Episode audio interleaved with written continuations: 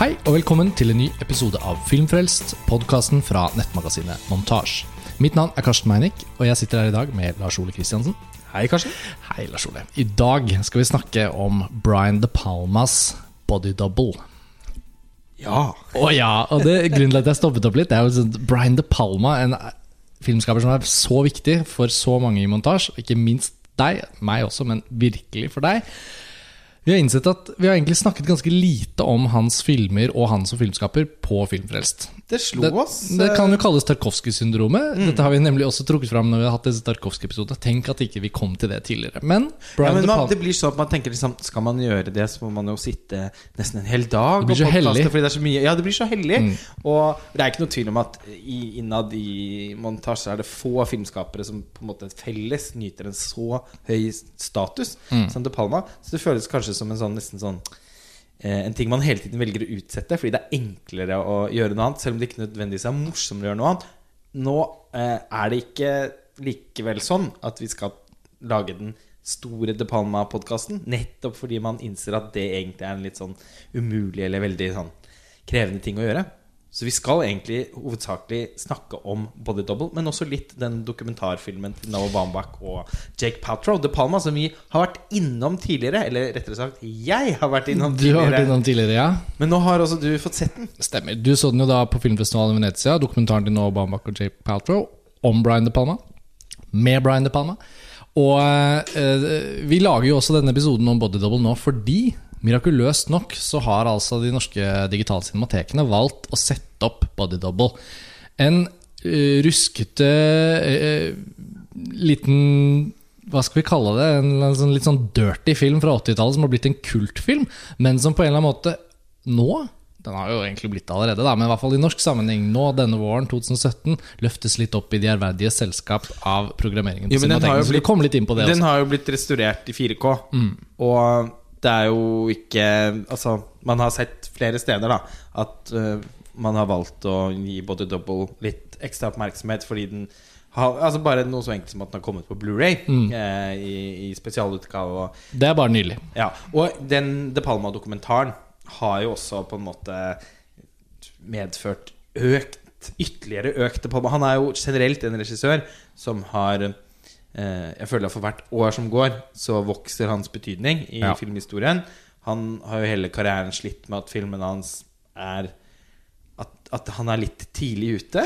Altså Han er liksom alltid forut for um, det virker altså Han har veldig sjelden opplevd å få bli omfavnet av både kritikere og publikum eh, når han har laget eh, sånn, i, men, Mens han har laget filmene, og de har blitt lansert. Jeg tenker også på, eller i hvert fall i etterkant av å ha sett dokumentaren nå, da. Så tenker jeg, For det første så tenker jeg ok, for den aller aller mer sånn allmenne filmseer, hvem er Brian De Palma? Ok, han har regissert Scarface, The Untouchables og eh, Mission Impossible, den første Mission Impossible-filmen. Man kunne liksom startet der og sagt sånn, ok Og så har dere kanskje sett Carrie, og så Ja. det kanskje Og så graver man seg ned, og så finner man de. Men på starten av denne dokumentaren, som er en vidunderlig film uansett, egentlig, men ikke minst hvis man er glad i film, og hvis man er glad i Brian De Palma i tillegg, så er den ja, dobbelt, trippel så vidunderlig. Ja, men det, men det er bra at du understreker det. At Ja. det er faktisk en film for Ja, En virkelig bra film. Den er dessverre ikke satt opp på norske kinoer, men nå er den sluppet på DVD i England, og sånn, så nå er den ikke noe vanskelig å få tak i.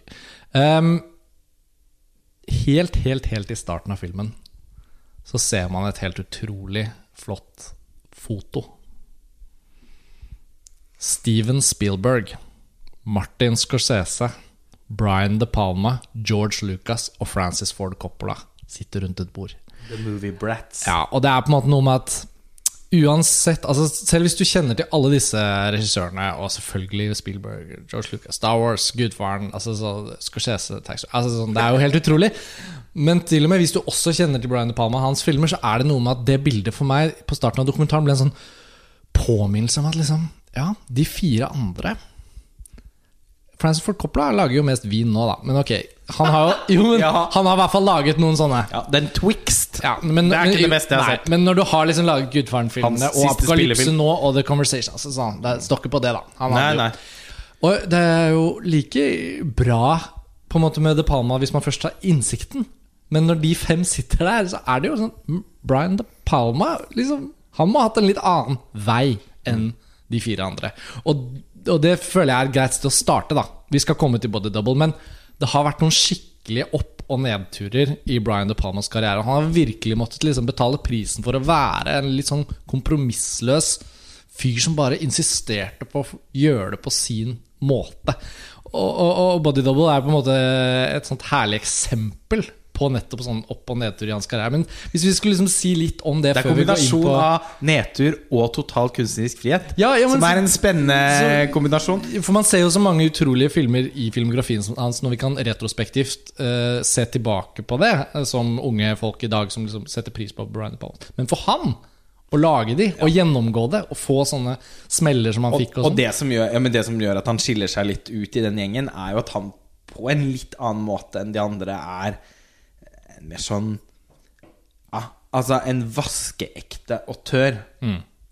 Ikke det at de andre ikke er det, men på en måte kom heller ikke å fortelle meg at, at karrieren til Francis Ford Coppola, eh, særlig etter Apokalypse nå, ikke er eklektisk. Mm. Eh, og også består av filmer som man tenker at dette kunne jo nesten hvem som helst ha lagd. Og så kan man si George Lucas er på en måte ikke helt en filmskaper. Nei. Han er mer en innovatør eller en oppfinner Definitivt. av Star Wars-universet. Og all honnør, ob- obviously, liksom. Ja, ja. Men, men det ble jo ikke noe særlig til filmskaper ut av han sånn sett. da Men han som produsent, tilrettelegger, De som har hatt med sånn mangslungne Han har jo virkelig Det er jo ikke det. Men de som har hatt med sånn mangslungne, evigvarende karrierer, er jo Scorsese, Spielberg og De Palma, faktisk. Faktisk. Eh, og, men mens Scorsese og Spielberg ha, ha, De har ikke hatt vanske på den samme måten med å jobbe i studiosystemet i Hollywood. De eh, I og for seg karrieren til Scorsese òg man, man har ikke fått en tilsvarende film ennå. Hvor han brutalt ærlig går gjennom sine opp- og nedturer. Men de har definitivt vært der. Og Hvis man ser på f.eks. 80-tallet til Scorsese, så er det et mye svakere tiår enn De Palma sitt, også kommersielt. Så eh, Men han har nok på en mer sånn Jeg tror han personlig har blitt mye mer eh, brennmerket av mange av konfliktene For det, jeg tror det har vært høyere konfliktnivå eh, i hans karriere enn det det i, Særlig i sammenligning med Steven Spielberg, da som veldig ofte nesten har bare fått lage akkurat de filmene han har hatt lyst til. Og det har gjerne også vært ganske brede publikumsfilmer. Selvfølgelig med hans, eh, med hans eh, fingermerker over hele seg, men ikke på den samme Altså, Spielbergs kunstneriske prosjekt da er nok også eh, fra et eh, kommersielt Altså i et kommersielt perspektiv eh, og i publikumsøyemed ganske mye mer svelgelig. Det er mer enn det De Palma Altså Det. Spielberg har hatt lyst til å holde på med, er mer kompatibelt med det store publikums interesser. Ser man noen De Palma-filmer, så blir man jo klar over at mm, han er veldig opptatt av det han er opptatt av. Ja. Som igjen leder til at Og vil at måte- alle filmene han lager, skal ha de elementene i seg. Nesten og, uansett. og for å komme tilbake til denne fantastiske dokumentaren da, Og jeg, Det er jo så mange regissører jeg skulle ønsket at skulle få sånne dokumentarer. Man blir jo helt sånn For det formen, bare for de som da ikke har sett den, så er det da Brian De Palma sitter og henvender seg til kameraet. Det er jo da Baumbach og Jake Paltrow som basically intervjuer han. Og de har fått tilgang til De Palma over flere år, og han har jo ikke gitt mye intervjuer og er jo ikke på en måte veldig raus med journalister. Hater dem, egentlig.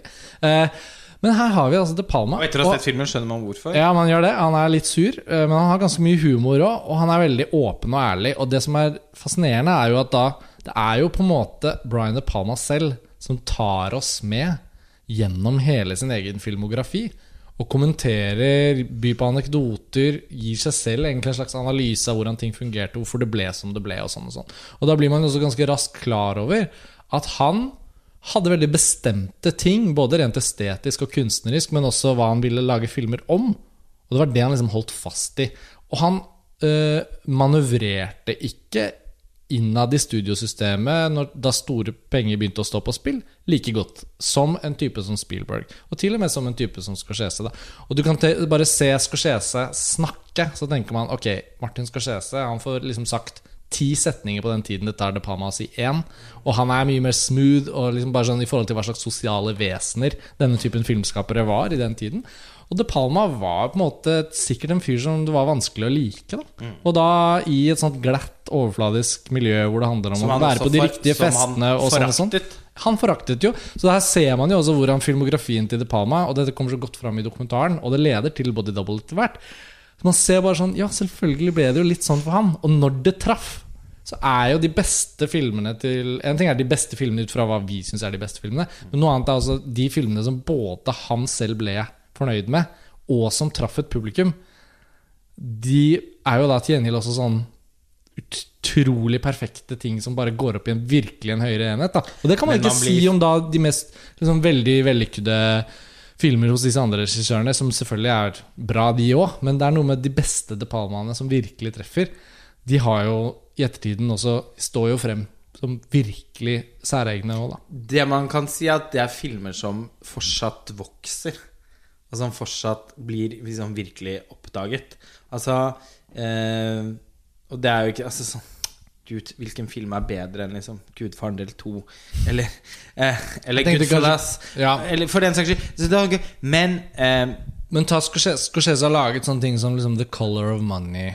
Ja. Eh, og jeg liker Cape Fear, men sånn Cape Fear Altså sånn Men det er mye mer eklektisk karriere. Ja, og liksom Helt sånne helt greie mellomfilmer. Så som liksom Brian De Palma hadde aldri laget Hugo, for å si det sånn. Og det er jo en helt nydelig, Nydelig film, det er men, ikke det. Men jeg bare Altså, han eh, Scorsese sin filmhist... Altså Mm. leksikalske forhold til filmhistorie nå har en annen type appetitt Mm. og en annen type utforskertrang enn det De Palma har, som er mer en sånn Han er mer den japanske approachen.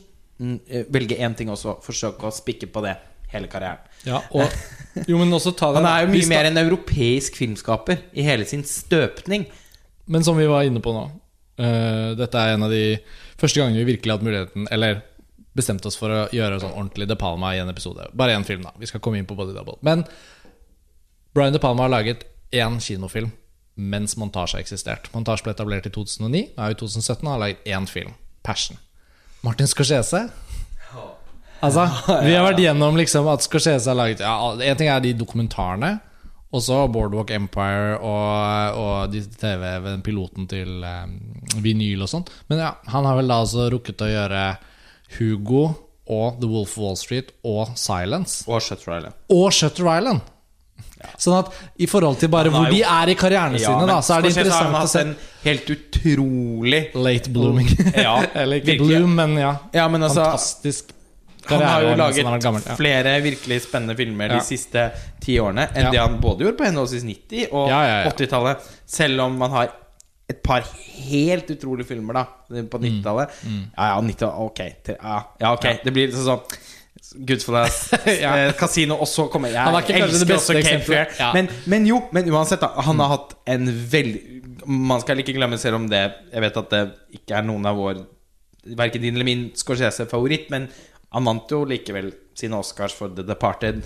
Eh, Så liksom den rekken med Aviator, eh, Gangs of New York Det er en film med mange mangler, men også med noen helt sånn ting i verdensklasse. Ja, ja. Så, men Gangs of New York, The Aviator, eh, The Departed, Shutter Island, Hugo, The Wolf of fucking Wall Street. Ja, den er god. Det er jo en av de to-tre beste filmene han har lagd. Ja.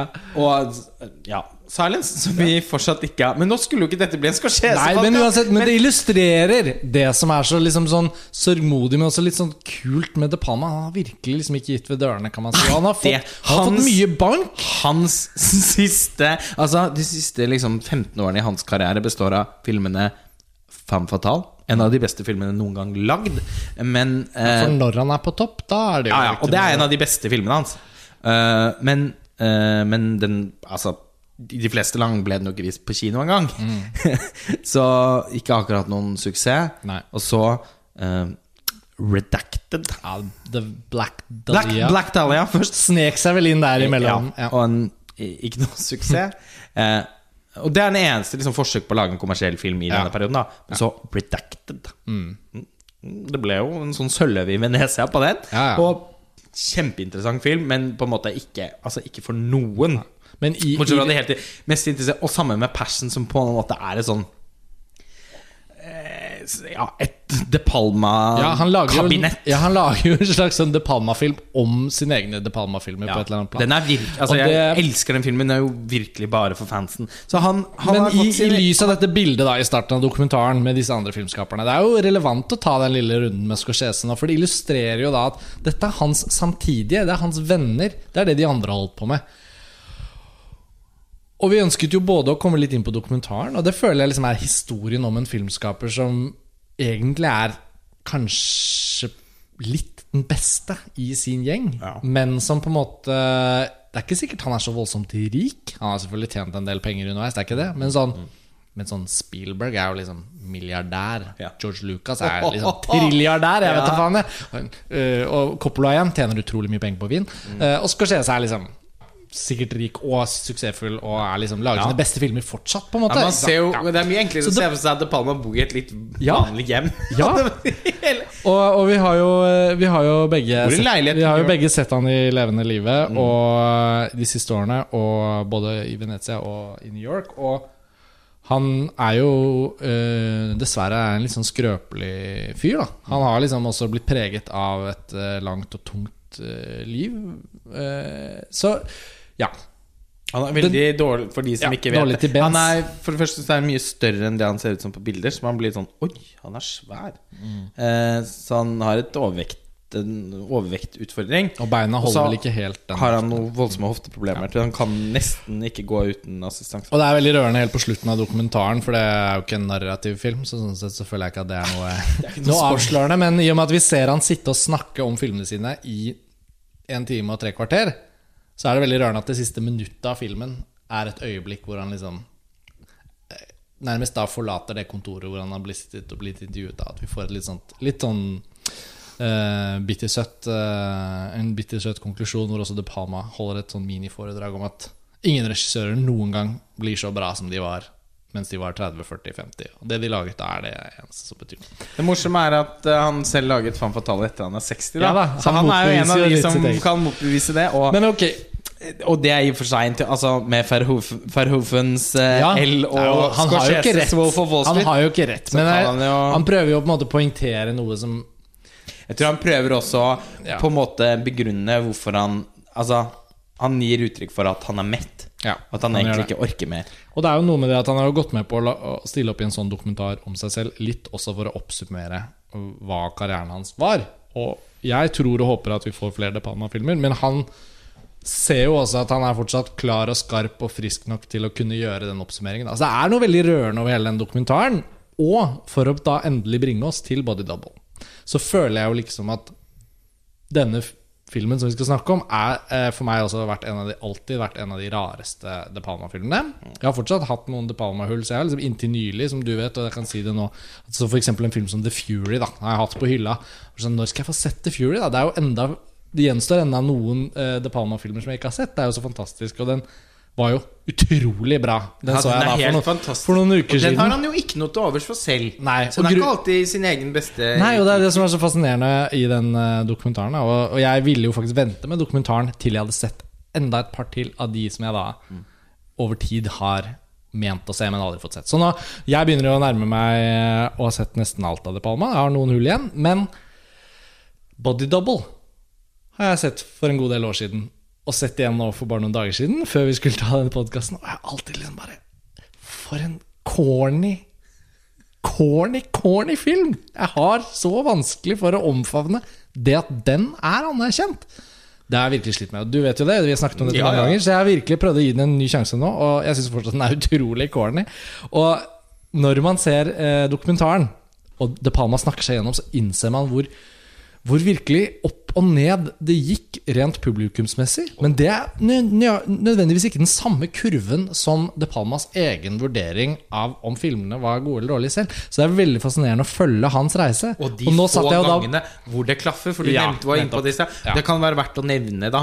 Ja, vi, vi, vi kommer da mot, mot, det mot Men det er jo da i årene før Body Double at han liksom Og rett etter. Men sånn, det er jo virkelig da han lager noen av sine beste filmer, da. Men de eneste filmene Mm. hvor hans kunstneriske visjon på en måte går opp i en høyere enhet med støtte fra både kritikere og publikum, Mm. det er da Carrie, Dress to Kill ikke helt Scarface, ifølge han selv. The Untouchables. Egentlig bare de tre. Men så Mission Impossible som en sånn dundrende suksess. Ja. Men det er en film som betyr såpass lite. heller. eh, Men den fikk Sånn grei til å være han, Ja. bra mottakelse. Men, men det er ikke en film som han har personlig sterke følelser har for. ikke det, da. Så det, det er de tre. Og når han da kommer til body double i dokumentaren, så er det jo også litt sånn funny. For det er, han, har, han sitter jo med sånn glis, sånn Ja. fårete glis. Ja, den ler han og, godt av. og hva kan vi si? Hvor var han liksom i karrieren da? Altså Det er på en måte Han var faktisk på et veldig bra sted i karrieren. Ja, selv om- for det er jo det som er så funny. Han har egentlig både alltid og aldri vært litt på et bra sted i karrieren. Fordi han alltid liksom Han har alltid laget interessante ting. Altså Hvis han lager, har laget noe som har vært ordentlig sånn dårlig, sånn home movies f.eks., så har det alltid vært en sånn forsonende grunn til Å ja, men det var en film som han lagde sammen med studenter på en filmskole. Han fikk inn Kirk Douglas til liksom det et Dritkult prosjekt. Ja, Hvem fordi- andre regissører i historien er det som har gjort noe sånt? Det er en av de jeg ikke har sett, og da den dukket opp i dokumentaren, så ble jeg sånn Oi, nå ble jeg jo nysgjerrig på å se Ja, den er der jo verdt, Movies. Det er verdt å se bare på grunn av altså, Rammene for rammene for den produksjonen. Men det er jo ikke noen god film. Nei. Men så bo, så lager han liksom Dress to Kill. Mm. eh, og boom, så lager han Blowout. Altså Han lager jo kanskje sine to mest sånn evig anerkjente filmer, i hvert fall ved siden av Carrie. Et back to back. Og så lager han Scarface. Og Scarface ifølge, Det insisterer De Palma veldig på i den dokumentaren. At den var ikke på langt nær så stor suksess som det man i dag tenker at den var. Ja, for den er jo, den er jo blitt dyrket. Uh, Nei, altså Det er jo en av de mest Gjennomdyrket. Det kan hende det egentlig er den mest berømte Brian De Palma-filmen. Det må det være. ja, det må det være. per i dag, liksom. Ja, Det er jo liksom filmen han alltid vil være kjent for. Uh, og det var nok sånn at på tross av alle sensurproblemene og X-ratingen og at publikumstallene strengt at det ikke var så overveldende bra, men de var gode nok. Eh, filmen fikk veldig mye dårlig kritikk, men ble umiddelbart Fikk også litt sånn umiddelbart sine fans. For, for De Palma altså, var ikke det noen sånn solskinnshistorie. Eh, men jeg tror nok at den filmen, for sikkert enkelte i Hollywood, ble et bevis på at han kunne gjøre litt forskjellige ting. Altså kontra bare lage disse thrillerne, eh, eller skrekk.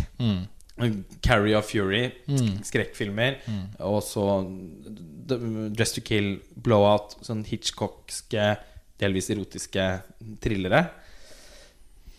Scarface visste, viste nok at han hadde litt sånn At han var litt At, han, at man kunne bruke han til noe, holdt jeg på å si. Så Columbia eh, ga han eh, Liksom imponert over Scarface, så ga de han en trefilmskontrakt. Så det var basically sånn at han flyttet inn der hos dem. Og hans første film ble da med liksom ganske stor kunstnerisk frihet, da. Eh, eller total kunstnerisk frihet i lys av resultatet. Eh, så ble den første filmen da Body Double. Og et, Jeg har nylig lest at etter tre, tre uker etter eh, premieren så Da besøkstallene var inne og ja, ja, for den gikk forferdelig dårlig på kino. Ble helt grusomt mottatt av filmkritikerne. Så mm, rev Columbia i stykker den kontrakten. Og basically visstnok også fjernet parkeringen hans. For han har fått en sånn parkering der. Med navnet sitt på? ja, Ja. Som de bare strøk vekk.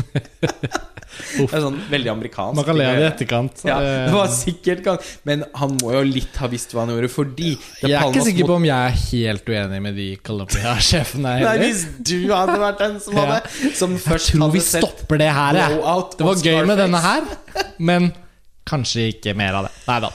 Vi skal komme tilbake til det. Jeg er ikke sånn, det Litt sånn ikke sånn pakkefinansiering. Ja, og jeg er ikke sånn drepende negativ i seg selv til body double. Jeg bare, jeg bare sliter med liksom at filmen er god. Det er liksom mitt utgangspunkt. Altså. Ja. Jeg syns liksom ikke helt at den er en god film å se.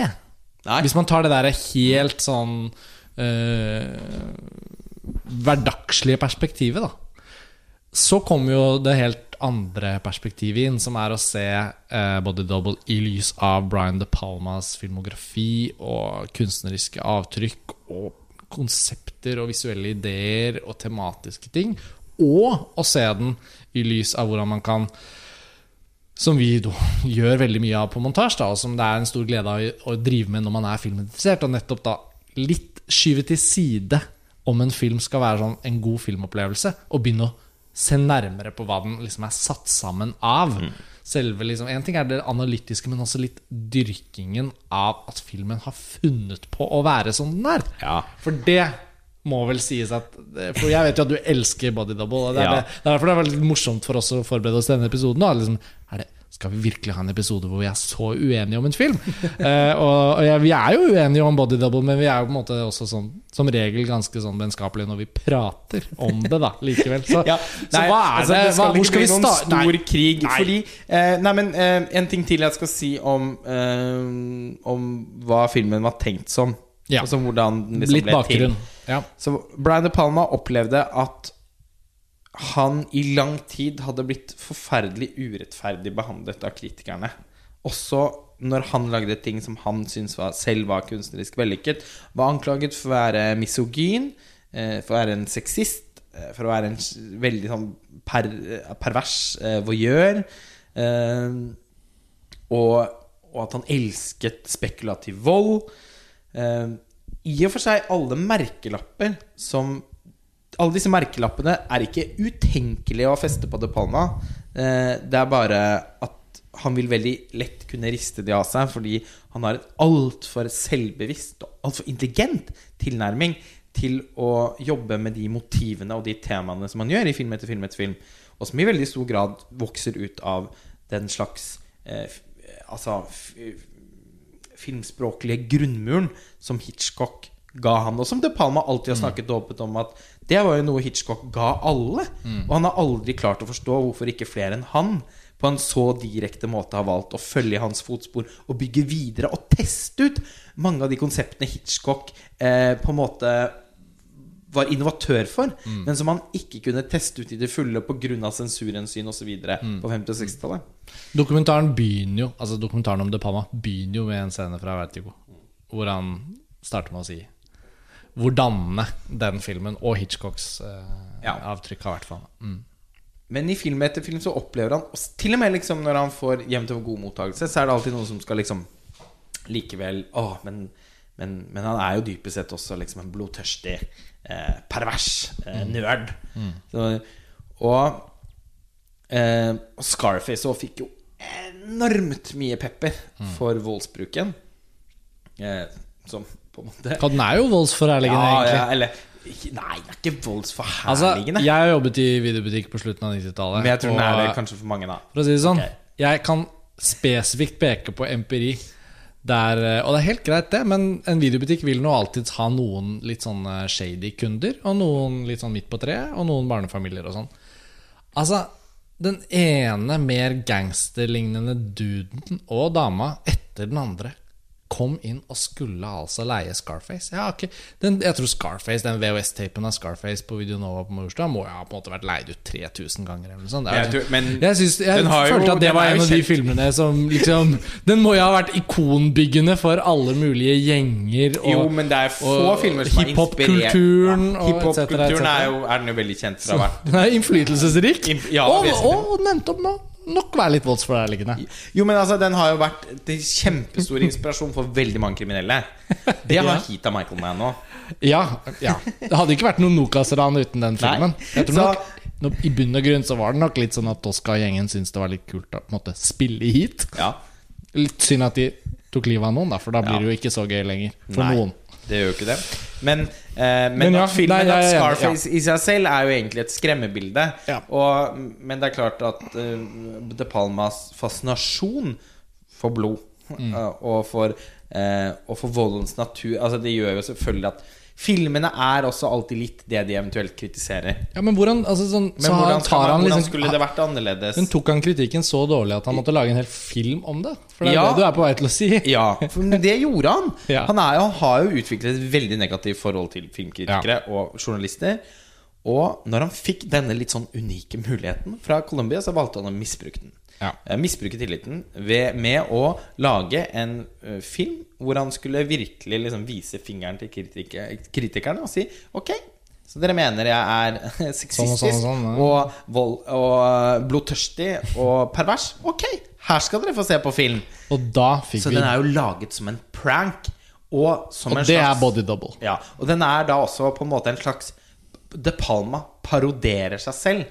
Samtidig som han da også benytter litt anledningen til å lage det som må liksom kanskje sies å være den med, på alle måter mest ekstreme De Palma-filmen. Det er vel bare Racing Kane og til en viss grad Passion som eh, på en tilsvarende syrete måte er et sånt Ja, som jeg sa i stad, et De Palma-kabinett, eller en speilsal av De Palma. Du snur deg, men uansett hvor du ser, så blir det noe mer De Palma-lignende som kommer i din Og hvis man retning. kommer inn i det huset uforberedt, så er det jo Enten så syns man det er så ute at man syns det i seg selv er kult, eller så er det på en måte nesten ingenting å, å ta med seg. Eller så er man i en mellomposisjon hvor man liksom man,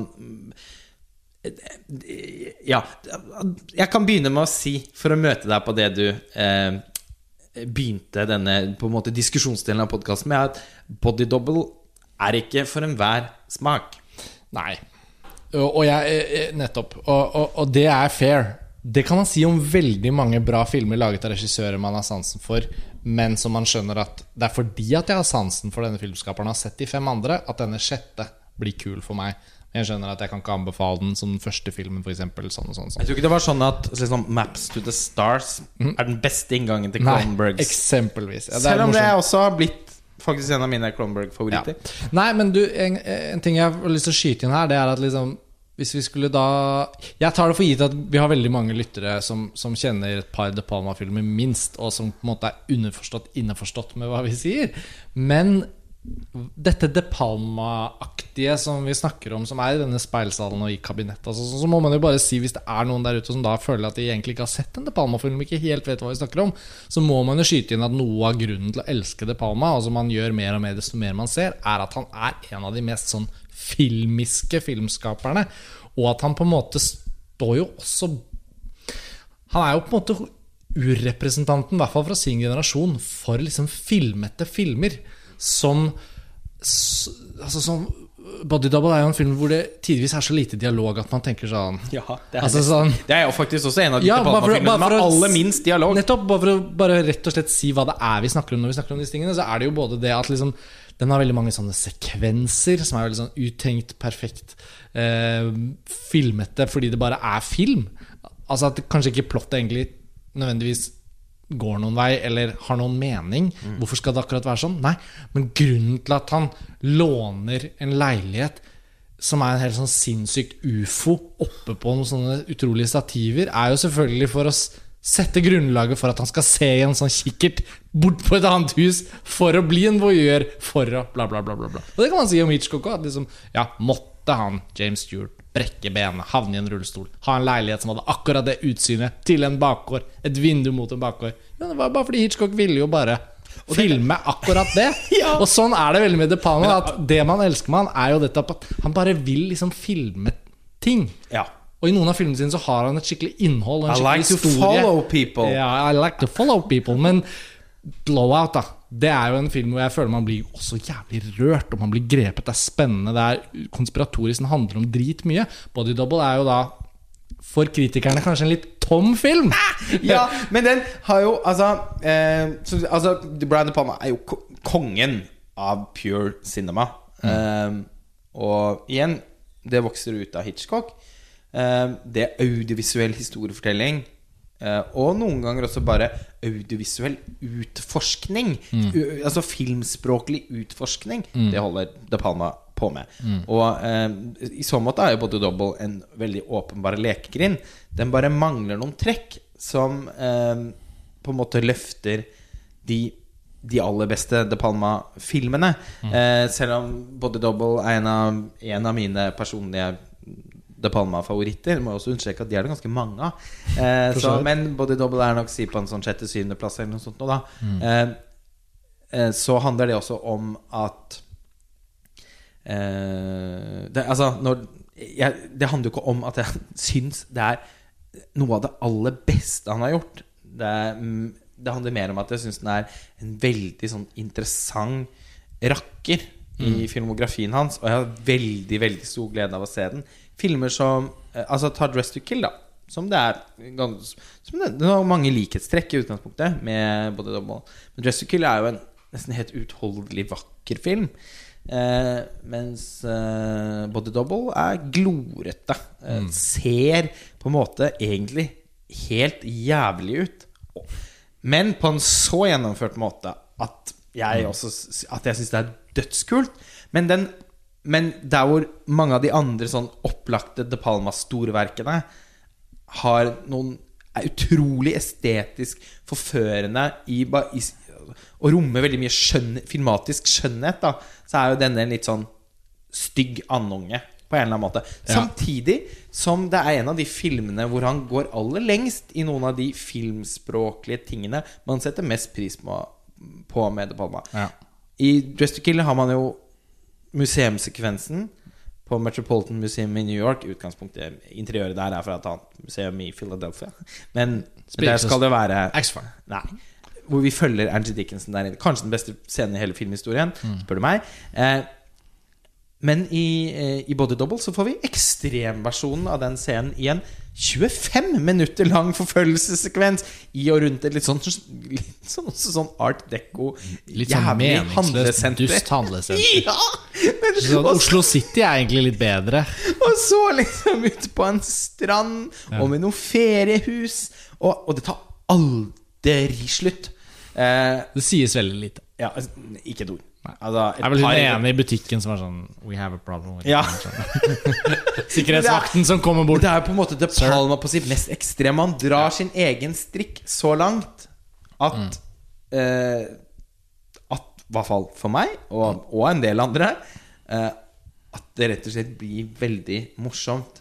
Eh, i, han er også kjent for å ha noen liksom bestialske drapssekvenser. Igjen, ta f.eks. den heissekvensen i eh, Dress to Kill, ja. hvor, mm. eh, hvor Angie Dickinson blir flerret opp av en barberkniv. Giallo-style. Mm. Med den slags sånn Giallo-elegansen, med gåsetegn. eh, eh, den, eh, den blir jo i, i, i Body Double Nå, Det gjør vel litt sånn annen vri. Der er det en sånn enorm drill! som ikke Ja, Det ser ut som eh, Patrick Batemans aller våteste og grusomste drøm. Og det passer jo ganske bra, fordi Body Double er jo også Patrick Bateman, hovedkarakteren i American Psycho, sin absolutte favorittfilm. Ja, Han har sett den 37 ganger, framkommer det i Ja. Bret Easton roman. Ja, det er veldig mye morsomt med det. Og det er jo på en måte sånn at Jeg føler jo sånn Men det er alt er sånn skrudd opp til 11 i denne filmen. Ja, det er det. Så det er både er det De Palma på sitt beste, men kan sikkert også være på Litt- måte på sitt verste. litt høyt volum for noen? Jo, men altså Det er jo noe med at kulten rundt Body Double, og det at man får den fremsnakket gjennom at den er popkulturelt referert til, jf. American Psycho At den på en måte Desto mer Hvis man først bestemmer seg for å se den Og- mye, Ja. og dyrke den, og sette den på på nachspiel altså sånn, Hvis liksom kulten vokser frem, så byr jo filmen på den ene utrolige tingen etter den andre. Og da skjønner jeg at den liksom vokser. Men eh, det er morsom. Jeg tror det er litt sånn Ja, hvis man jeg ikke, tror det, hvis, hvis jeg man- ikke hadde respondert på humoren i filmen, Nei. så ville jeg jo synes den vært, hatt mindre glede av den, f.eks. hvis man, skal, hvis man skal se en film, og som regel bare ser filmer én gang, og man ser Body Double, så er det liksom ikke en god film. Det er det ikke. Det tror jeg ikke. Og, og, hva, det tror jeg man må si, da. og hvordan skal man begynne med å forklare hvorfor den Nei, men altså, vi, Nå har vi jo snakket i snart 40 minutter, og noen ville jo startet med plottet. Eh, kan ikke du prøve å- eh, Jo, altså sånn, ikke Jeg syns ikke at det betyr så mye. Men det er jo også noe med at Nei, men for filmen- noen som når- skal se Ja, filmen, så vil ja, det kunne bety noe. Jeg syns plottet er med på å argumentere for at det for mange er en litt dust film. Ja. Som de ikke skjønner hvorfor de så, og som ikke var så spennende, og som ikke var så bra. Og jeg vet at fordi vi holder på med det vi gjør, og jf. alt vi har snakket om frem til nå, så betyr den jo masse på sin måte. Men ok. Så vi har en skuespiller som i løpet av de første minuttene av filmen En blir arbeidsledig fordi han har klaustrofobi og klarer å spille vampyr i en eske på en B-horrorfilm. To kommer hjem, finner kona si sånn vilt i seng med en annen mann. Han ser kona, som da er utro, fordi han kommer hjem som overhodet ikke forsøker å Nei, skjule Han skulle egentlig vært på jobb, åpner døra, der er kona i liksom eh, Ja, eh, sittende stilling oppå denne uidentifiserte elskeren. Og hun ser på han, og han ser på henne, og hun bare Ja, kan du lukke døren? Altså det Blikket hun gir, er sånn So what? Hvem er du til å dømme meg? Jeg sitter her og har det ganske gøy. Så han drar ned på puben, eh, tar eh, det som tilsynelatende virker som sånn 15 shots whisky. Får sove på en sånn utrolig liten sofa hos han bartenderkameraten. Innser at det er helt jævlig. Drar på auditions. Får det forferdelig. Får det sånn Havner på sånn psykodramaøvelse på sånn teater, kveldskurs, hvor han blir helt ydmyket på scenen. Den scenen er ikke god. Eh, det er bare Altså, filmens første fem minutter er liksom ræva. Jo. Ja, men ler. kjempemorsomme! Ja, men altså, det er, dette er måten å snakke om body double på. For hvis man ikke sier det som det er, på godt og vondt, så tror jeg ikke man får ordentlig begrep om motsetningene som gjør men det, er filmen jo ikke sånn, da. men det er ikke sånn at Brian De Palma har sittet og tenkt at dette er mesterlig. Nei, og det er det- altså, han har det er jo det. laget det Ja. på en køddete måte. Og det er jo det vi egentlig har varmet opp til å si, er jo at hvis man vet at De Palma vet hva han gjør, så stiller man seg jo spørsmålet Det at dette er så ræva, hva kan være poenget med det? Og da går man jo filmen i møte med ganske interessant blikk. Altså bare hva er det han prøver på? av han Craig Vasson Som spiller hovedpersonen, som man aldri har sett i noen filmer verken før eller senere. Han har jo- sikkert gjort andre filmer, men han er jo helt utrolig obskur i forhold til sånn Hvem hadde, hovedrollen i Blowout? Ja, det var John Travolta. Hvem er det vi har i Carrie? Fordi ja, det, masse det skal som jo ikke stå serien. Nummer én, det skal jo ikke stå på at Brian De Palma kunne nok fått basically hvem som helst til å spille denne rollen. Eh, han kunne også eh, evnet å instruere ham i alle fall bedre enn det han er. Altså, eh, De, De Palma Ja. kan jo være en helt fantastisk skuespillerinstruktør. Det er ikke alltid han er så opptatt av spill. Nei, nei. Eh, som i noen av de eh, sem, altså, Giallo-aktige filmene sine, så Nei. Er, Men- kan han være like uinteressert Men i det som Argento. Men så har du. Untouchables, som liksom er bare totalt Eller Scarface. Ja, ja, Eller liksom Carlitos sånn, Way og Ja, men Ja. Også, hvor skal Og Carries of War. Ah, og Carrie. Casualties Altså, of War. Altså ja, Michael J. Fox har jo på en måte heller ikke egentlig helt spilt noen Det annen rolle Det er mange skuespillere som, Penn, som ja. har gjort sin beste rolle for Brian Så derfor er Body Double så jævlig corny. Ja, Men men da skjønner man jo jo det er meningen. Men Ja. hvor lenge må man li Og det er bare de første fem minuttene. Nei, det er vel egentlig hele filmen, men i hvert fall den første liksom timen. Eller de første tre kvarterene, da. Og så tar filmen et skifte, for når Melanie Griffiths rollefigur endelig entrer bildet For hun er jo den eneste jeg i hvert fall mener at hun er den eneste i filmen som, som spiller litt bra på ordentlig. Hun er ganske imponerende, veldig ung. Det var jo hennes første voksne rolle. Hun hun bare- ble Golden Globe-nominert, faktisk. hun var barneskuespiller på 70-tallet. Og så hvis man ser på filmografien så er det jo rett og slett sånn at hun gjør noen roller som barn da gjennom 70-tallet Så i film og TV. hun noen år med noen løver i Afrika, tror jeg. Det var noe med det, ja. Hun Moren hennes er jo Tippi Hedren. ja, det er jo så fantastisk. Tippi Hedren, som ble begjært av Hitchcock.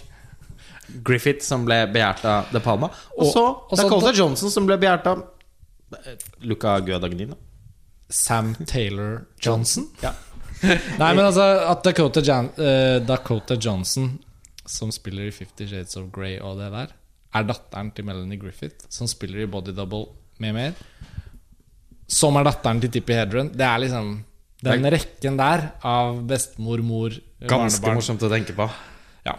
Men det er ikke det som var poenget mitt. Poenget mitt var vel til slutt at Body Double har jo selvfølgelig Etter hvert som den utspiller seg, så er det jo ikke vanskelig å se at på tross av alt det campy og corny og rare, så er det jo også filmspråklig sett, hvis du isolerer det, så er jo ikke filmen tullete og Ja, ræva. helt eminent. Den er helt ute og Plutselig er det en musikkvideo i midten. Altså Frankie Goes to Hollywood, Relax, Don't Do It.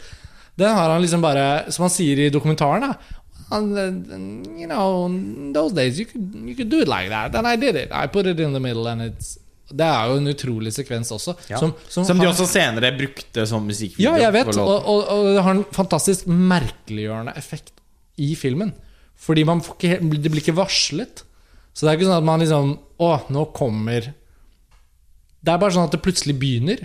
Og han hovedpersonen spiller jo i videosekvensen. Og oppfører seg helt annerledes enn hva han har gjort i filmen frem til da. Og er liksom i en rolle i en rolle Du må nesten film. fortsette med å fortelle om uh, hva som skjer da, i ja, historien. Unnskyld. Ja, så, uh, ja, selvfølgelig. Så ok, hovedpersonen blir da liksom hen, han, Det er en venn av en venn som liksom henvender seg til han på disse auditionene og på det kurset, som er en annen skuespiller. Ah, We actors, we should help each other out. Uh, du kan låne liksom Jeg, jeg er liksom house-sitter et sånt sted. Du kan bo der. Jeg skal til Seattle og spille i et teaterstykke. Ok, greit Og så er det denne utrolige ufoen på stylter. da En sånn sinnssykt sånn Los Angeles-hus som han får låne. Han er liksom, Drive. ja, ja, og han er jo helt utrolig sånn lamslått selv. Og denne i hermetegn hjelpsomme kollegaen, han viser også med stjernekikkerten nærmest at du burde kikke bort på det huset der, for der er det en sånn dame som hver kveld gjør et sånt utrolig strippeshow for Like seg selv. clockwork. Ja, og ligger og liksom onanerer på sengen, og det må du se. Og så gjør hun det, merkelig nok, akkurat på klokka når han er der. Og Altså, så kommer den berømte Eller for, Ja. litt berømte Donaggio-musikken. Ja. Ja, det er jo Hvis man skal undervise i sånn bruk av temamusikk på film Ja, fordi når du da Når du gjenkjenner det temaet etter hvert som det brukes mer, Mange så skjønner man jo poenget. Ja. Ja.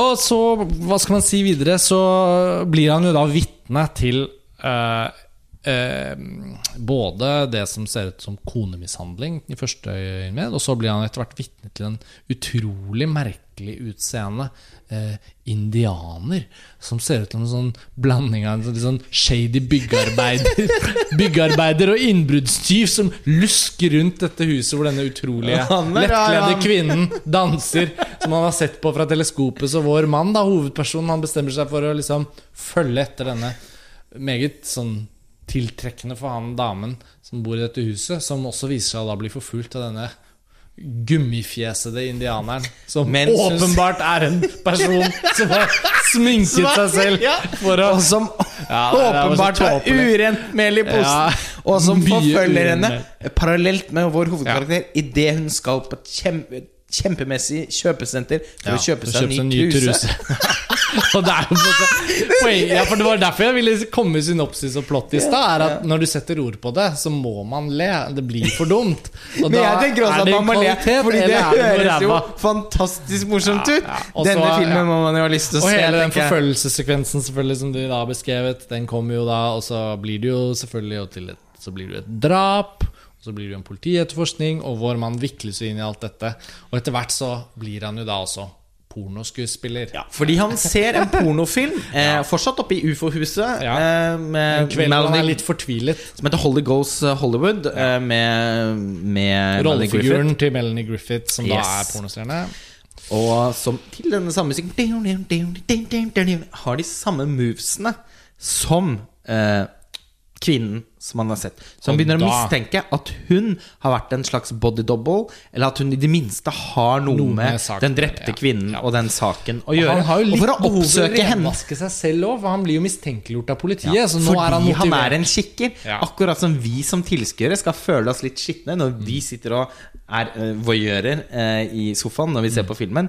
Så er han nå bare fordi han, han er kikker, så bærer han skyld i filmen. Syns jeg er ganske interessant. Mm. Eh, og eh, han Som du sier, han er ute etter å renvaske seg selv, men også genuint opptatt av å finne ut av hva som har skjedd. Mm. Og tar da det, håper å si, bokstavelig talt skrittet. Eh, og blir eh, bestemmer seg for å bli pornoskuespiller for å komme Melanie Griffith-karakteren nære.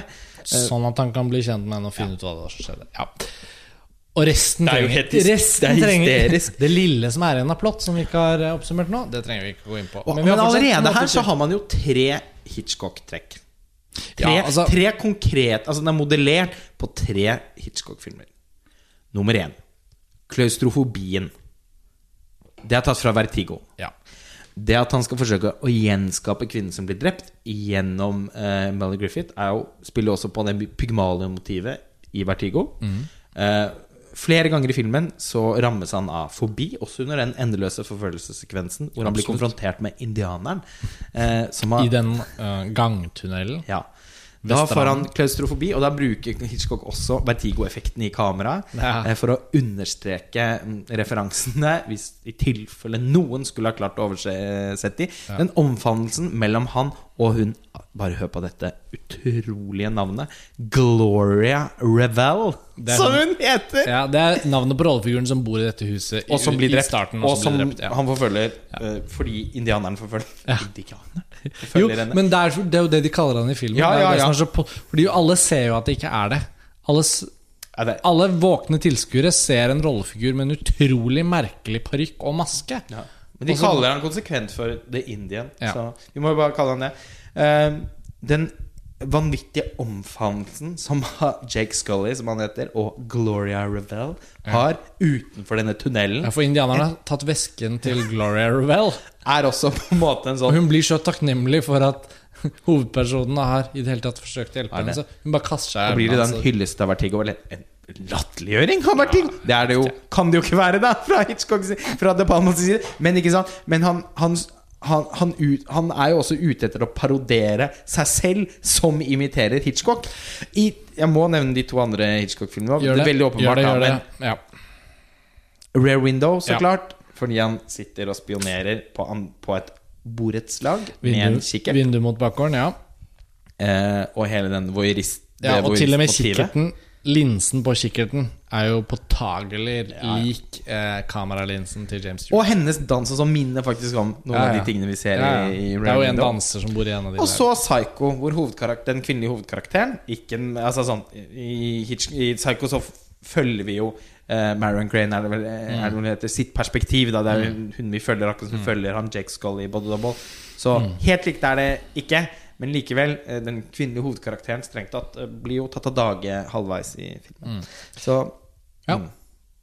Og skulle man være i tvil om det òg, så er jo også De Palma i et modus hvor han ikke bare refererer til Hitchcock, men refererer til seg selv ja. og sine egne formgrep. Og Han har liksom fått et sånn postmoderne forhold til seg selv. Ja, nettopp. Er er dette, kan du, altså sånn, siden du er så glad i Body Double, så for, bare for å grave litt i det, da.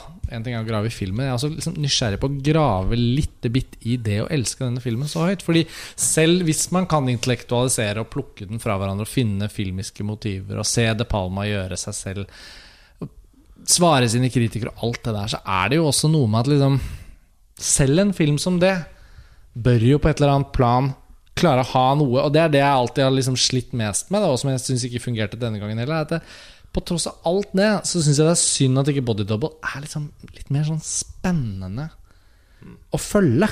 Ja. Det syns jeg den kunne vært, selv om den er en litt sånn eh, et pek eller en spøk eller en, en parodi på seg selv, et svar på sine kritikere, en satire nesten over hele konseptet om å bli beskyldt for å være misogyn eller sånn. sånn, sånn, sånn. Til slutt så føler jeg jo, men når alt kommer til alt, så setter man seg ned med Body Double og ser den. Og jeg skulle ønske den da, på tross av alt dette, i hvert fall var litt mer spennende. For det syns jeg ikke den er.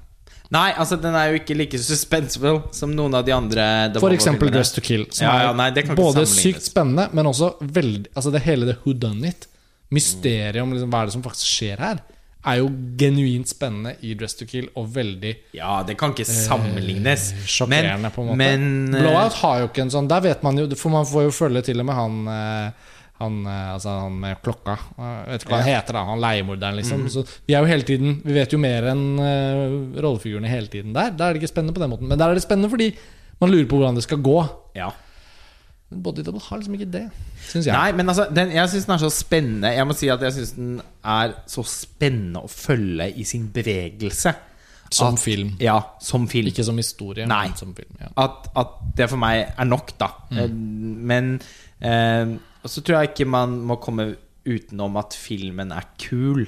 Altså På samme måte som Showgirls òg. Selv om man kan argumentere i timevis for dens oppriktige kunstneriske kvaliteter. Ja, og at det faktisk er en veldig, melodramaet litt gripe, spennende. ja, et veldig gripende melodrama. Ja. uh, Pink Swan Ja, ja, ja. Men, uh, men noe av attraksjonen ved en film som Showgirls også, er jo også at den er litt hårreisende, Mm. og at den er litt rosa, og at den er litt off. Uh, og det gjør den kul. Og, og, og den type coolness kan man liksom egentlig ikke argumentere for. Det må man enten respondere på eller ikke. Mm. Og eh, Body Double er jo i veldig stor grad en sånn skikkelig stykke 80-talls pop art. Mm. Produksjonsdesign i den filmen syns jeg er eh, noe av det kuleste jeg vet om. Eh, ofte skikkelig gyselig, men veldig sånn eh, gjennomarbeidet da i sin gyselighet. Eh, er jo et sånt Og den har en sånn pastellkoloritt og sånn som man i og for seg kan se noen uh, flash i Scarface. uh, Som var filmen han lagde før, men som ellers jo ikke hører til De Palmas palett, for å si det sånn. Uh, og den har noe Noe med at den, når den er vulgær, så er den så voldsomt vulgær. Og de her overdrivelsene og to, den også interne tonedøvheten som preger hele filmen, gjør at man hele tiden sitter litt sånn på ank. Men for meg ikke på en beklemmende måte. For Ta for eksempel den, den scenen, den mest eh, berømte og på en måte også mest kritiserte scenen fra filmen, hvor han indianeren dreper hun Gloria Revel med en helt enorm, en spektakulært stor drill som han på en veldig sånn fallosaktig måte har mellom beina sine, og eh, borer henne ned i gulvet. Sånn at den kommer gjennom gulvet. Det er jo når han lykkes, men, Men litt før det, så Så, og så går den ut av kontakt. For, han, for, for å tøye scenen så har jo De Palma også passet på at liksom, i det øyeblikket du tror at han skal liksom drille henne gjennom ryggen, så er den ledningen til drillen som er montert i veggen, er jo også litt sånn på siste strekket. Så da napper han den ut ved et uhell, altså. Og det er hysterisk morsomt. Det synes jeg er en fantastisk måte å gjøre av med seg selv på. Fordi Brian De Palma er jo veldig glad i å trekke ut tid for å skape suspens. Det er jo ikke uten grunn at han refererer til eh, barnevognen eh, i Odessa-trappen fra Panserkrysseren på Temkin i The Untouchables. Kanskje fordi det er sånn urett eksempel på hvordan man Ja. kan trekke ut tid for å skape suspens.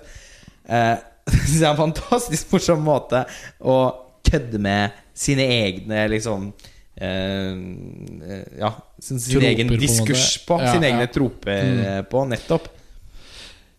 Ja, altså jeg Hvis vi skal komme til en form for oppsummering, da. Vi gjorde jo en litt sånn De Palma-aktig narrativ på denne podkasten for det var veldig mye build-up. Veldig mye sånn at vi trakk ut tid for å skape spenning. Når skal de snakke om body double? Nei, men, men altså, jeg, jeg, jeg, jeg tror ikke jeg noen gang kommer til å helt klare å, å nyte og, og og elske body double som en film å se. Men det som har vært gjeldende for meg de siste årene, etter hvert som jeg har kommet skikkelig inn i De Palmas filmografi, er en sånn ursannhet som jeg tror er verdt å trekke fram for andre som er interessert i film, og som kanskje har lyst til å sette seg mer inn i De Palma, er desto mer De Palma man ser, desto bedre blir alle De Palmaene. Det er nesten som en sånn matematisk formel som en eller annen greker burde ha tegnet opp for 3000 år siden. Altså sånn Én De Palma pluss én De Palma blir tre.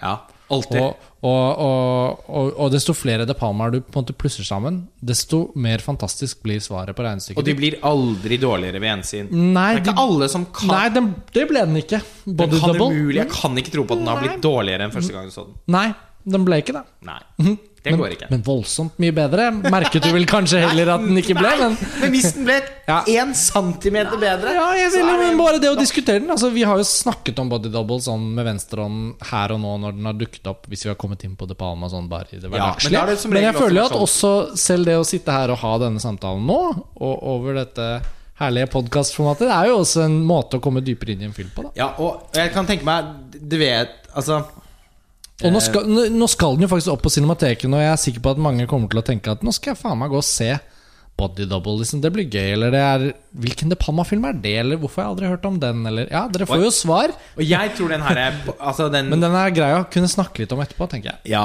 men jeg tror den coolnessen Ja. til filmen Ja. eh, kan appellere til Ja, ganske og- mange. Ikke, slettes ikke alle, men, men eh, det tror jeg man Hvis man responderer på det, så har man en lettere vei inn i filmen. Jeg- jeg En- tror det. En, en, men en annen ting som jeg har lyst til å si, er at den, det er også mulig å liksom få den litt, litt til å handle om noe. Fordi eh, ut, Men selv om det likevel blir inn i et sånt slags metaperspektiv, da, men eh, De Palma i den det er, Bortsett fra Racing Kane, så er det vel ingen eh, De Palma-film som i tilsvarende grad liksom bryter den fjerde veggen. Det er veldig mange sånne som Brecht ville kalt for verfremdungseffekter da, i den filmen, som, er, som skal rykke deg ut. Eh, inkludert en sånn prank som eh, at eh, støpselet eh, til drillen detter ut av veggen idet han skal til å drepe henne på grusomste vis. Eh, det, og, og, ikke, og hovedkarakterens spill de utrolig merkelige og kjempelange og dritkule da eh, innslaget med Frankie Goes to Hollywood sin Relax som en kjempelang musikkvideo midt inni filmen. Eh, De pornofilmene inni filmen Det er en hysterisk Når han oppsøker pornobransjen, ja. At man får se disse trailerne på Traileren er liksom The Gone with the Wind of Porn. Holy Ja. Ghost Hollywood. ja. Hysterisk. Eh, men uh, alle disse ting det, De bidrar jo også til at man på en annen måte enn i f.eks. To Kill, hvor man også bare lever seg så inn, tar to steg tilbake og blir, får et mer sånn hm, Hva er det egentlig han holder på med? Hva, er, hva er liksom greia til Hva er det jeg ser på? på De. De Palma. Og filmen forteller jo også på en måte om en mann som to ganger, eh, med bare en sånn en times mellomrom, på en eller annen måte blir veldig sånn ydmyket. Man kan også si da sånn demaskulinisert. Og som først skal forsøke på en måte å eh, bygge opp igjen en slags manndom ved å eh, iaktta denne kvinnen. Eh, men han blir en kikker eh, og en Opphisselsen er ikke i nærheten av eh, He's a pervert. Nei, men altså, Han blir også sagt You're a pervert. You're a fucking pervert. Han blir jo n- nærmest ansett som for å være medskyldig, selv om han åpenbart ikke har drept henne. Eh, og, og han må da liksom ned i denne slags sånn Man kan si at han, han går seg vill i Altså, han, han søker etter å finne seg selv og går seg vill i en labyrint, som jo er en eh, baksiden av Hollywood. På en måte Hollywoods usle bakgård. Og i den speilsalen eh, den, den, ja, den som jeg sa, den sånn illusjonslabyrinten som han møter, så ender han i, selv, i bokstavelig talt liksom, i kjelleren, i pornokjelleren. Og det er det eneste stedet i filmen hvor han og, og filmen i seg selv klarer å finne noe menneskelig. Og det syns jeg er ganske progressivt Body Double, og det har den etter hvert også fått anerkjennelse for. Til og med fra Den har jo vært et sånn Altså, den har vært et antifeministisk, nesten sånn fantasiobjekt av en film. For den er så åpenbart hårreisende på en del uh, områder. Uh, og jeg tror ne det, Altså, den ville aldri blitt Laura Mulvis favoritt. Men til og med blant de argeste i utgangspunktet feministiske kritikerne av filmen, så har man etter hvert kunnet se at man i det minste har en viss Se på med en viss beundring at han lar det eneste menneskelige mennesket i filmen faktisk være eh, pornostjernen Melanie Griffith, som har en veldig gripende dialog på et tidspunkt, som var nok det hun ble Golden Globe nominert for, hvor hun eh, viser seg som en veldig sånn rakrygget eh, kvinne som eh, slettes ikke lar seg bli eh, Altså, hun lar ingen andre få dominere over henne. Hun setter klare grenser. Hun har på en måte da, en veldig sånn profesjonell innstilling til jobben sin. Mer Og- profesjonell enn han, for han er en slags skuespiller, han òg. Ja, altså, og det settes veldig likhetstegn mellom Og han igjen så klar, han, Hans på en måte dannelsesreise da, i løpet av filmen lykkes jo heller aldri. Hun er den eneste som står igjen som en rakrygget, ordentlig og menneskelig figur. Et univers hvor alt er plastikk, hvor alt er overflate, hvor ingenting gir mening. Så er hun på en måte det eneste som både forankrer oss og filmen og han i, eh, i noe menneskelig. Og det er ganske det er det ikke mange andre regissører enn De Palma som i på det tidspunktet ville turt å gjøre, tror jeg. Bare det at han skulle lage I utgangspunktet så var det en ordentlig pornostjerne som skulle spille den rollen. Og bare studio syntes det var så hårreisende å høre at han i det hele tatt hadde invitert pornoskuespillere inn i studio. Så stigmatiserte var de at det i seg selv eh, gjorde at produksjonen sto i fare. Så det er nå likevel noe et eller annet Ja da. Er noe å hente her. Det er ikke feil, den, den tråden du la fram nå. Det er ikke feil. Sånn at det skal den ha. Men jeg tror filmen, som så mange sånne filmer som man føler at er litt sånn flawed, da, som kunne vært eh, mer vellykkede, så handler det ikke om at ikke tanken og ideen og premissene egentlig er der. Det handler bare om at den, den faktiske filmopplevelsen man ender opp med å ha, har en del sandpapirlignende elementer for det vanlige blikket, da, hvis man skal si det sånn. Altså rett og slett I hvilken grad er dette en film man kan ha glede av som en film å se? Det første gjennomsyn. Ja, og da tenker jeg at eh, det er synd at eh, Jeg syns f.eks., da, hvis man skal kalle det et grep, så er jeg usikker på om at denne typen form for å gå for litt ræva skuespill Det er sånn Hvis du skal ha med publikum på at de skal se forbi det At liksom, ja, men dere legger merke til hvordan det liksom er litt sånn dårlig skuespill her. Ja, det er meningen. Da skal du bare på en måte ta det for det det er, og så liksom se forbi og vent, så kommer det noe annet. Og så skal dere liksom sakte, men sikkert kunne bygge en god filmopplevelse ut av å ha liksom subversivt forhold til at ting er ræva i det du ser. For bak det så er det nemlig noe som jeg har tenkt på, som er litt smart. Som han, det, er, det er for mye. Det er, du, jeg føler du gir publikum en altfor stor oppgave selv for å kunne finne en sånn umiddelbar glede i å se filmen. Altså Og- Til og med Pauline Kael, som Ja. forsvarte De Palma i tykt og tynt, ja, Vi har ikke kommet inn på henne engang. måtte innrømme at hun syntes at skuespillet i Body Double var, var ødeleggende for filmen. Ja, fordi jeg tror til og med at man kan Bortsett fra Melanie Griffith, selvfølgelig, for hun Ja. er utrolig bra. For hun er jo bra, så Ja, det, er noe, det er ikke henne det gjelder. Men hun jo, kommer inn i filmen så sent da at liksom, jeg tror mange har falt av innen den tid. Oh, ja. Um, så ja, nei, jeg tror bare at uans, altså uten å trekke vekk fra de tingene du har lagt frem som jeg er helt sikker på at man kan finne i filmen, og som ikke føles liksom som sånn påtatt analyse, jeg, jeg, du har helt rett, så tror jeg likevel at det blir litt sånn, da. Hvis man, sier, liksom, hvis man tenker litt med at man skal invitere publikum inn i filmen sin, det må man jo gjøre uansett hva slags film det er man lager. Eh, krevende filmer og sånn må jo også innse at ja, ok, jeg er en film med denne typen tempo, med denne typen språk. Da må jeg også prøve å Altså, Apichat Pong har siristene sine, da og han skrur på de på lydbildet og håper at liksom når publikum får tilbringe Bare for å trekke inn han. På Når, Kunstnernes når, hus. ja, når publikum får tilbringe mange nok minutter i denne utrolige soniske faunaen i Thailand, så kanskje de blir tål... Ja, men sånn, så blir de tålmodige. Den soniske faunaen. Ja, men så, så når jeg introduserer vannbøffelen i det 40. minutt, så har de på en måte allerede blitt introdusert for at her kan dere egentlig bare lene dere tilbake og lytte. Og så er lyden god, og bildene viser hvor vi er, og så skal det bli noe. Problemet med body double, hvis man kan bruke den allegorien til noe, er jo liksom at jeg føler at det er liksom ikke sånn at de, de lydene, de bildene, de settingene i starten av denne filmen hjelper oss ikke for å komme dit man egentlig skal. Jeg føler de er sånne veisperringer som gjør sånn Ja, men ok, her kan vi ikke kjøre videre. Vi må bare ta til høyre her, da. Ok, ja, nei, nei. Og så blir det en kjempeomveien. Men det er litt av gleden ved å se filmen nå. Jeg tror på mange måter ikke det er en glede. Jeg tror det er en Eller en utfordring. Ja, og den tenker jeg at uh, både lukter og smaker såpass rart underveis at mange faller av. Ja, Når de endelig er- kommer fram, så sånn ja, helt. Så på den syvende retten så er det denne litt sånn utrolige tingen. Men jeg er jo, nå har jeg både mistet appetitten og vært på do to ganger. Jeg, sånn, jeg har ikke tid til dette, jeg.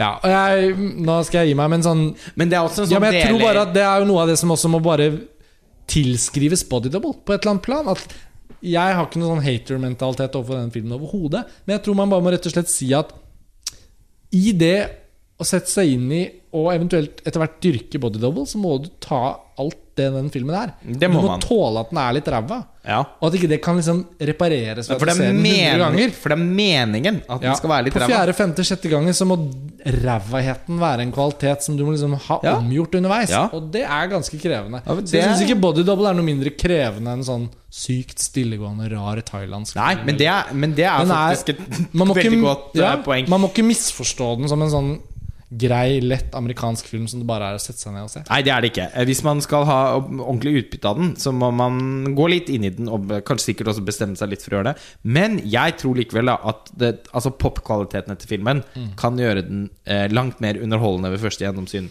enn Sovende soldater. en sovende soldat.